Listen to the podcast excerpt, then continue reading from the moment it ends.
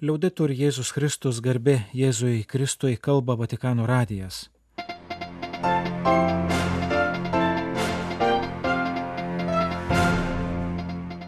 Malonus klausytojai šioje programoje. Popiežiaus interviu pakeliu iš Vengrijos. Ir dabar vykdoma nevieša taikos misija.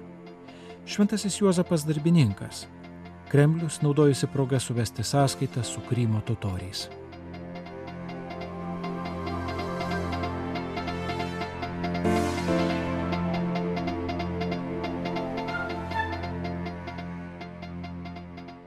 La Santa Sede ha fatto di intermediario in alcune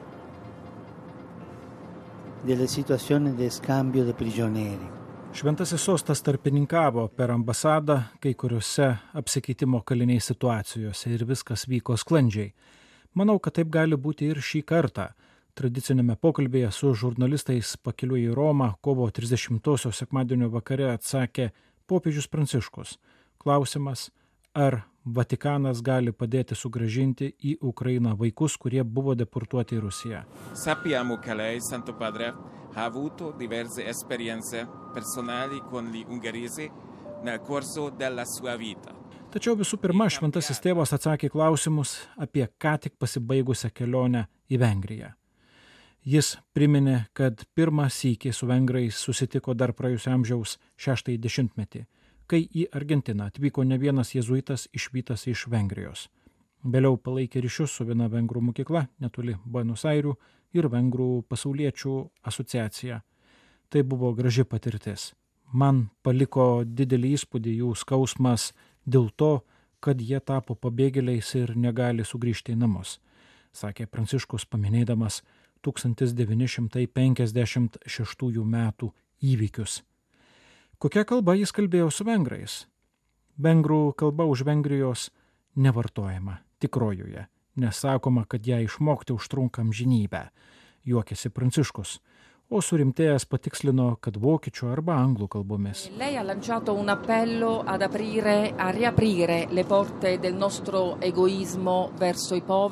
Vengrijoje popiežius kalbėjo, kad reikia atverti vargšams ir migrantams mūsų egoizmo uždarytas duris. Ar susitikime su Vengrijos premjeru Viktoru Orbanu popiežius prašė vėl atidaryti vadinamąjį Balkanų kelią. Popiežius taip pat susitiko su ortodoksų metropolitu Hilarionu, buvusiu Maskvos patriarchato išorinių ryšių atsakinguoju, šiuo metu reziduojančiu Budapešte. Ar metropolitas ir Vengrijos premjeras gali tapti kanalais pasiekti Maskvą, pagreitinti taikos Ukrainoje procesą, sudaryti sąlygą susitikti su Putinu. La pace si fa sempre aprendo canali. Mai si può fare una pace con la chiusura. Pasak popiežiaus, kaip jis nuolatos kartoja, jis mano, jog taikai visada reikia atidaryti kanalus, nes ji nepasiekiama jų uždarimu. Bet tai nėra lengva. Apie tai jis kalbėjusi ir su Viktoru Orbanu. Migracijos klausimas, tęsi popiežius, turi tapti visos Europos klausimu. Šiuo metu labiausiai kenčia penkios viduržėmio jūros šalis - Kipras, Graikija, Malta, Italija ir Ispanija. Jei Europa nespręs šios problemos, jei nebus teisingo migrantų perskirstimo, visa našta liks minėtom šalims. Manau, kad Europa turi parodyti, kad yra sąjunga ir šiuo klausimu, sakė popiežius. Migracijos problema yra susijusi ir su gimstamumo problema. Yra šalių - Italija, Ispanija, kur nebegimsta vaikų. Apie tai priminė Pranciškus, jis kalbėjo šeimų suvažiavime ir mato, jog įvairios vyriausybės taip pat apie tai jau pradėjo kalbėti. Italijoje vidutinis amžius siekia 46 metus, Ispanijoje dar daugiau ištuštėjo gyvenvietės. Šalims su mažu gimstamumu gali padėti gerai parengta migracijos programa. Modeliu gali būti Švedija diktatūrų Latino Amerikos laikotarpiu. Kalbėdamas apie Hilarioną, priminame, kad šeštadienį įvyko 20 minučių jo ir popiežiaus privatus susitikimas. Metropolitas taip pat buvo tarp popiežiaus vadovautų mišių dalyvių. Pranciškus, užsimindamas apie jų ankstesnius susitikimus Vatikane, pasakė, kad jį gerbė, kad jų santykis yra geras, kad tai žmogus, su kuriuo galima kalbėtis. tokius santykius ištesta ranka būtina išlaikyti ir dėl ekumenizmo, neapsiriboti man patinka, man nepatinka. Su patriarchu Kirilu nuo karo Ukrainoje pradžios priminė popiežius, jis kalbėjo tik kartą nuotoliniu būdu. Kiti ryšiai palaikomi per metropolitą Antonijų, pakeitusi Hilarijoną, santykių su išorė pareigoms ir anksčiau dirbusiu Romos parapijoje. Praėjusiu metu vasarą buvo numatyta susitikimas su patriarchu Kirilu Jeruzalėje, bet dėl karo buvo nukeltas.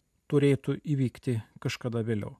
Kalbant apie santykius su rusais, popiežius paminėjo netrukus po septyniarių metų tarnybos išvyksinti Rusijos ambasadorių prie Šventojo sosto rimtai išsilavinusi žmogų. Santykis su juo buvo geras, ryšiai su Rusija buvo palaikomi per jį. Pasak popiežiaus kelionės Vengrijoje metu jis kalbėjo dažnai apie taiką, nes tai visiems rūpimas klausimas ir jis esąs pasirengęs daryti, ką galys. Io sono disposto, sono disposto a fare tutto quello che si deve fare. Esu pasirengęs padaryti viską, ko reikia. Anche adesso è in corso una missione, ma ancora non è pubblica, vediamo come. Ir dabar vykdoma viena misija, bet ji dar negali būti paviešinta. Pažiūrėsime, kaip seksis. Kai taps vieša, pasakysiu. Pridūrė Pranciškus. Quindi due cose, come si sente di salute perché... Žurnalistai iš Portugalijos pasiteiravo, ar popiežius rengiasi ir turi jėgų pasaulinėms jaunimo dienoms Lisabonoje, ypač po to, kai nelauktai atsidūrė ligoninėje. Ir ar reikėtų laukti renginio su jaunuliu ukrainiečiu ir jaunuliu rusu, kuris būtų ženklas jaunai kartai. Pasak popiežiaus, jis pasiryžęs vykti į Lisaboną. Trumpai apžvelgęs staigios lygos eigą, kuri prieš Velykas privertė jį kelias dienas praleisti Romos ligoninėje, popiežius pasakė, kad jo organizmas gerai reagavo į gydimą. Dieną prieš išvykdamas į Vengriją jis susitiko su Lisabonos auxiliaru ir pasaulinių jaunimo dienų 2023 pirmininku Ameriko Aguiaru, priminė Pranciškus. Eh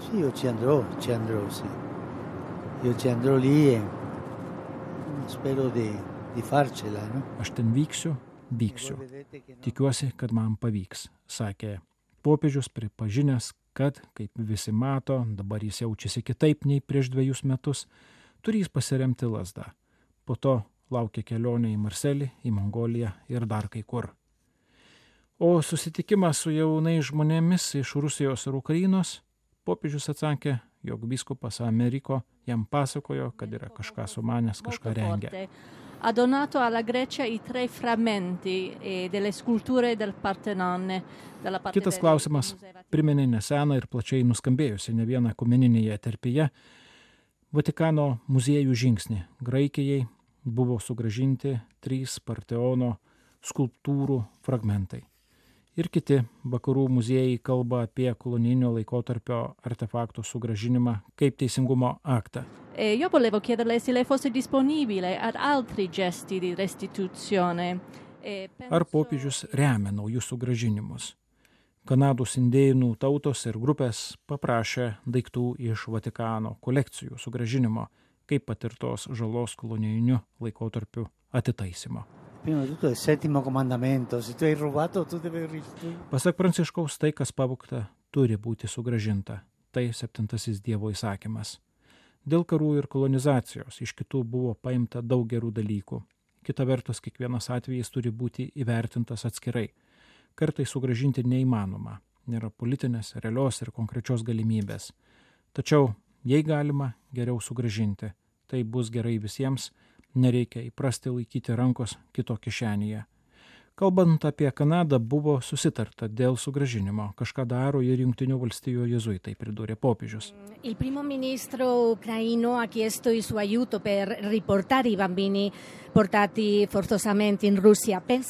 Paskutiniu klausimu buvo primintas taip pat prieš kelionę į Vengriją įvykęs popiežiaus Pranciškaus ir Ukrainos ministro pirmininko Deniso Šmychalio susitikimas, kurio metu Vatikano paprašyta padėti susigražinti jėga į Rusiją išvežtus vaikus. Ar apie tai galvojama?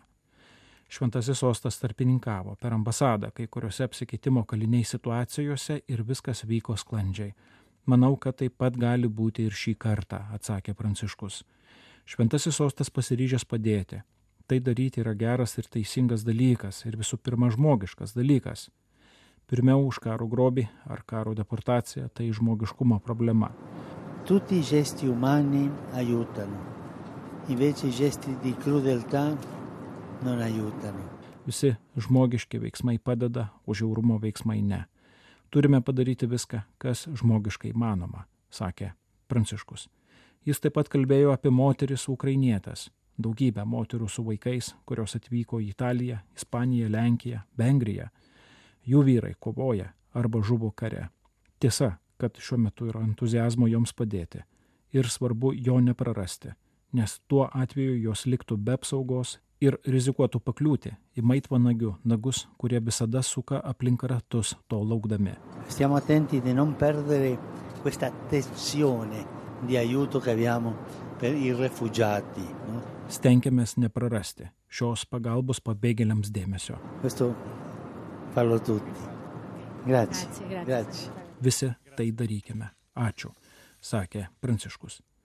Kaip įprasta kiekvienos apaštališkosios kelionės pabaigoje, tiesiai iš oro uosto popiežius Pranciškus nuvyko į didžiąją Marijos baziliką ir susikaupė maldai prie mergelės Marijos salus populį Romanį ikonos. Po to sugrįžo į Vatikaną, praneša Šventojo sosto spaudos salė. Pirmadienį popiežius ilsėjusi. Gegužės pirmąją bažnyčia minėjo Šventojo Juozapo darbininko šventę, kurią norima priminti šventosios šeimos globėjo vaidmenį, krikščionišką darbo prasme ir darbininkų sąlygas. Pijus IX šventąjį Juozapą paskelbė bažnyčios šventuoju globėju. Šventasis Juozapas Evangelijose vadinamas dailide, nors jo profesija ko gero apėmė ne vien darbą su medžiu, bet viską, ko reikėjo būsto statyboms. Jėzus vadinamas dailidė sunumi, išmokęs to paties amato. Tilus, kantrus ir doras darbininkas Juozapas rūpinasi visais žemiško Jėzaus gyvenimo poreikiais, padėjo jam bręsti ir pasirenkti savo misijai. Šventojo Juozapo darbininko šventė primena, jog darbas yra ne vien dėl uždarbio. Tai būdas save realizuoti, prisidėti prie visuomenės gerovės. Tai ir vienas iš šventėjimo kelių, viena iš krikščioniško liudėjimo erdvių. Jei darbas yra viena iš oraus gyvenimo sąlygų, tai darbo neturėjimas ar netikimas, neteisingos ir išnaudotojiškos darbo sąlygos yra netoleruotina drama bei skandalas.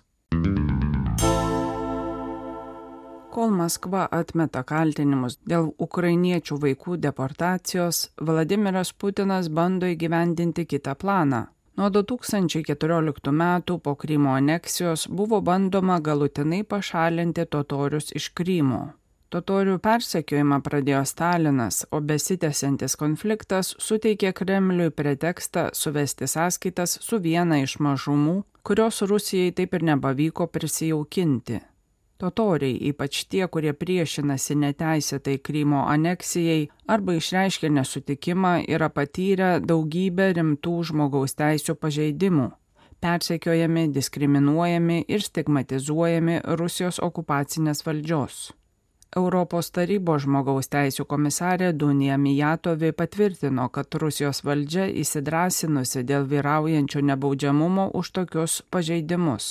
Simbolinis atvejs yra Narimano Dzelijalo, Krymo totoriams atstovaujančios institucijos Medžilio vadovo pavaduotojo istorija. Praėjus septyniems mėnesiams nuo karo pradžios, Krymo aukščiausiasis teismas jį nuteisė kalėti 17 metų dėl kaltinimų prisidėjus prie dujotekio sapotažo. Dzelijalas ir toliau atmeta Maskvos kaltinimus persekiojamai mažumai. Teismo bylos nuosprendį, kuriuo jis nuteistas kalėti, Amnesty International pavadino neteisėtu. Dzelijalo advokatas Nikolajus Polozovas kartoja, kad byla yra nebejotinai politinė.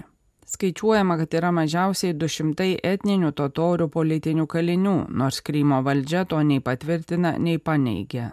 Totoriai ir toliau patiria begalę žmogaus teisų pažeidimų, praneša Europos taryba, kuriai priklauso Rusija, tačiau kurios narystė laikinai sustabdyta. Neteisėta Krymo aneksija pradėjo tragišką įvykių ir priemonių seką, kuriai būdingi rimti ir pasikartojantis žmogaus teisų pažeidimai, priduria komisarė Mijatovi. Maskvos įsteigtos valdžios institucijos neleidžia patekti nepriklausomiems stebėtojams, trukdo gauti tiesioginę informaciją. Tartautiniai žmogaus teisų stebėjimo mechanizmai ir humanitarinės organizacijos turėtų gauti saugią ir netrukdomą prieigą bendrauti su visais sulaikytaisiais, įskaitant Krymo totorius, rašoma Strasbūro ataskaitoje, kurioje raginama nedelsint nutraukti praktiką perkelti sulaikytuosius iš Krymo į sulaikymo centrus Rusijoje. Tai prieštarauja tarptautiniai humanitarniai teisiai. Remiantis istoriniais duomenimis, nuo 1917 iki 1933 buvo nužudyta arba priversti išvykti apie 150 tūkstančių totorių. Persekiojimas baigėsi įsakymu deportuoti visą mažumą. 1944 m. gegužę Stalino įsakymu beveik 200 tūkstančių Krymo totorių buvo priverstinai išvežti į Sibirą, Centrinę Aziją ir Uralo kalnus. 86 procentai ištremtųjų - moteris, vaikai, seneliai, nes dauguma vyrų buvo paimti į kariuomenę. Deportacijos metu žuvo beveik 8 tūkstančiai žmonių kitų laukia atšiaurios gyvenimo sąlygos perkelimo centruose.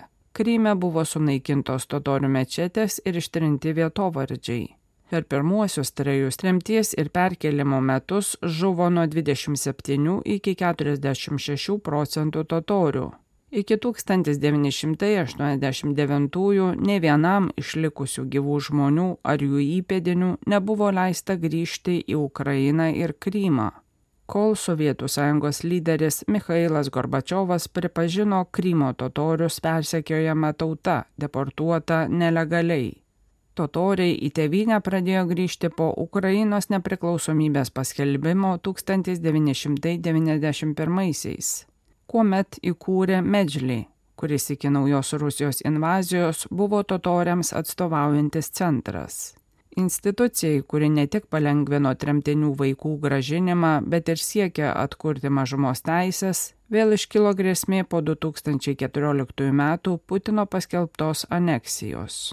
Kryme taip pat yra kelios dešimtys nepilnamečių, kuriuos Ukraina nurodo kaip deportuotus Rusijos pajėgų.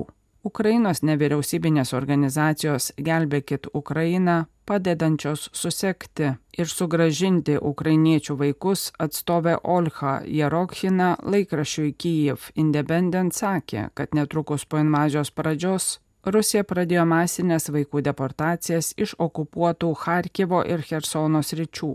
Nežinia, ar tarp šių vaikų yra tik našlaičiai ar vaikai turintys tėvus, teisėtus globėjus arba vaikai, kurių tėvai žuvo karo veiksmų metu. Rusija teigia, kad apie 744 tūkstančiai ukrainiečių vaikų savo norų buvo perkelti už Ukrainos. Vien tik pietų Rusijos Krasnodaro srityje daugiau nei tūkstantis vaikų iš Mariupolio buvo įvaikinti rusų šeimų ir perkelti į atokius miestus, tokius kaip Tiumenė, Irkutskas, Kemerovas ir Altajaus kraštas, kuriuos pasiekti, atpažinti ir susigražinti bus beveik neįmanoma, skelbė Rusijos žiniasklaidos priemonė Medūza.